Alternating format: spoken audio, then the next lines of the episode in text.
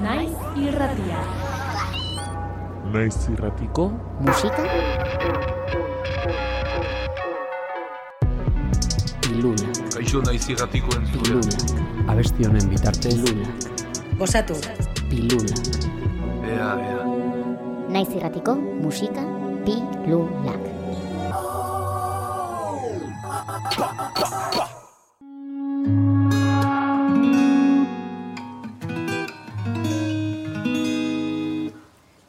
Kaixo, eneritz furiak naiz, eta emadan nire disko berriari buruz hitz egingo dizuet. Aspaldi hasi zen eneritz furiak musikan, punkaren munduan. Gero etorri zen kasernarat taldea, folkerantz gehiago lerratzen zena.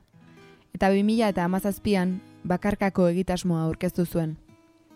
Urte hartan plazaratu zuen lehen lana, eta 2000 eta emeretzian zaldi zuria maskara singelak. Emadan lanarekin, bere ibilbidearen norabidea definitu duelako susmoa daukagu. Aurten 2008 batean, ba, emadan kaleratu dut, eta niretzat da nolabait, ba, lehen aldiz, e, lehen aldia kaleratzen dudana disko bat, disko hitzari edo, edo kontzeptuari benetan e, fidela dena. Betidanik lagun izan duen gitarraz eta hots bereziaz gain, elektronikak bete ditu eneritz furiaken kantak emadan honetan. Horrela, aurreko lanetan baina gorputz gehiago hartu dute abestiek. Ahotsa neurtuago dago, baina ez horregatik ahulago. Furiaken galderak barrura sartzen dira, inguratu egiten gaituzte, eta bat batean, haiek sortutako espazioan aurkitzen dugu geure burua. Izatez egia da e, hasieratik argi neukala disko bat sortu nahi nuela, ez? Eta disko kontzeptuari fidela izateko gogori neukala, baina ez da izan ez, ez ditut kantuak bortxatu ez da ere e, tematika konkretu bati edo erantzun diezaioten. Egia da esate baterako diskoko lehen lau kantak e, jarraian konposatuta daudela, eta niretzat zentzua dutela lauek jarraian ere, Baina, bueno, e, bestela ez daude be, behartuta nolabait diskoan kabitzera. Egia da, garai antzeko garaian sortutako beste kantu batzuk, ba aldiz, e, diskotik kanpo gelditu direla, mm, diskoaren osotasunaren e, alde egin dudalako apustu hori, ez?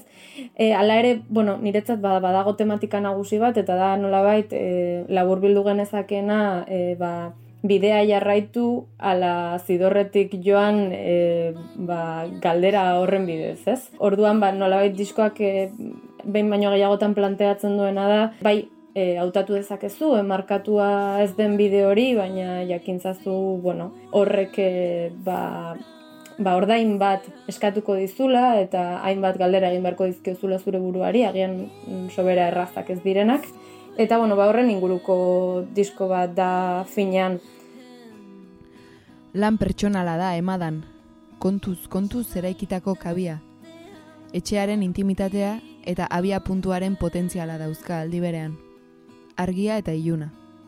Gauza guztien erdibidean leku bat egin duen eritz furiakek.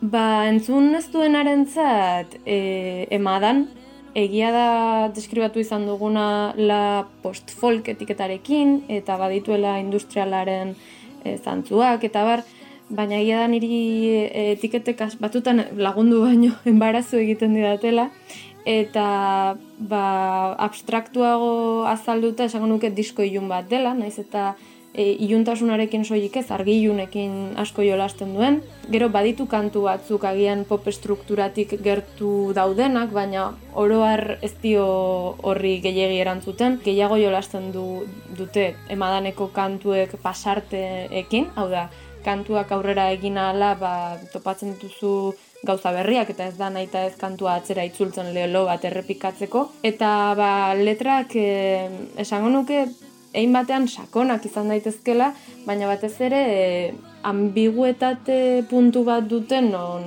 ba, ez, ez dagoen irakurketa bakar bat e, kantu bakoitzean, hau da, bakoitzak interpretatu dezake nahi duen bezala, eta batez ere galdera asko mai gainean jartzen dituen disko bat da.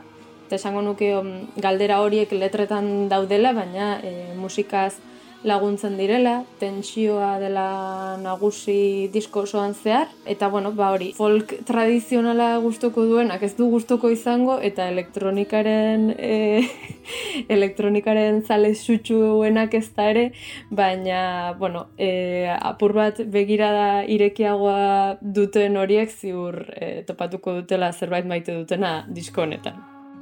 Hau dugu, eneritz furiaken suartzea kantua.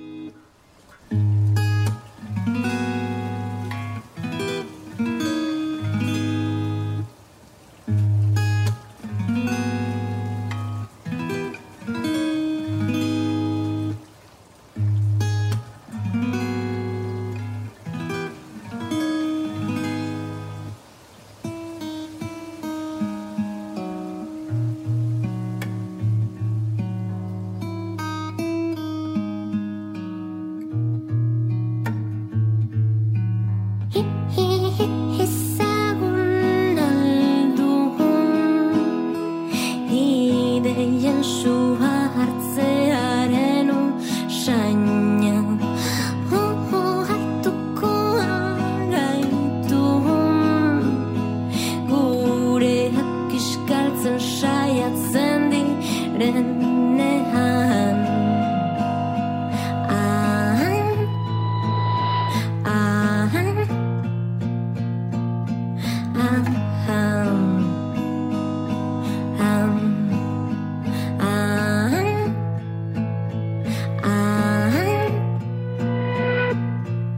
time.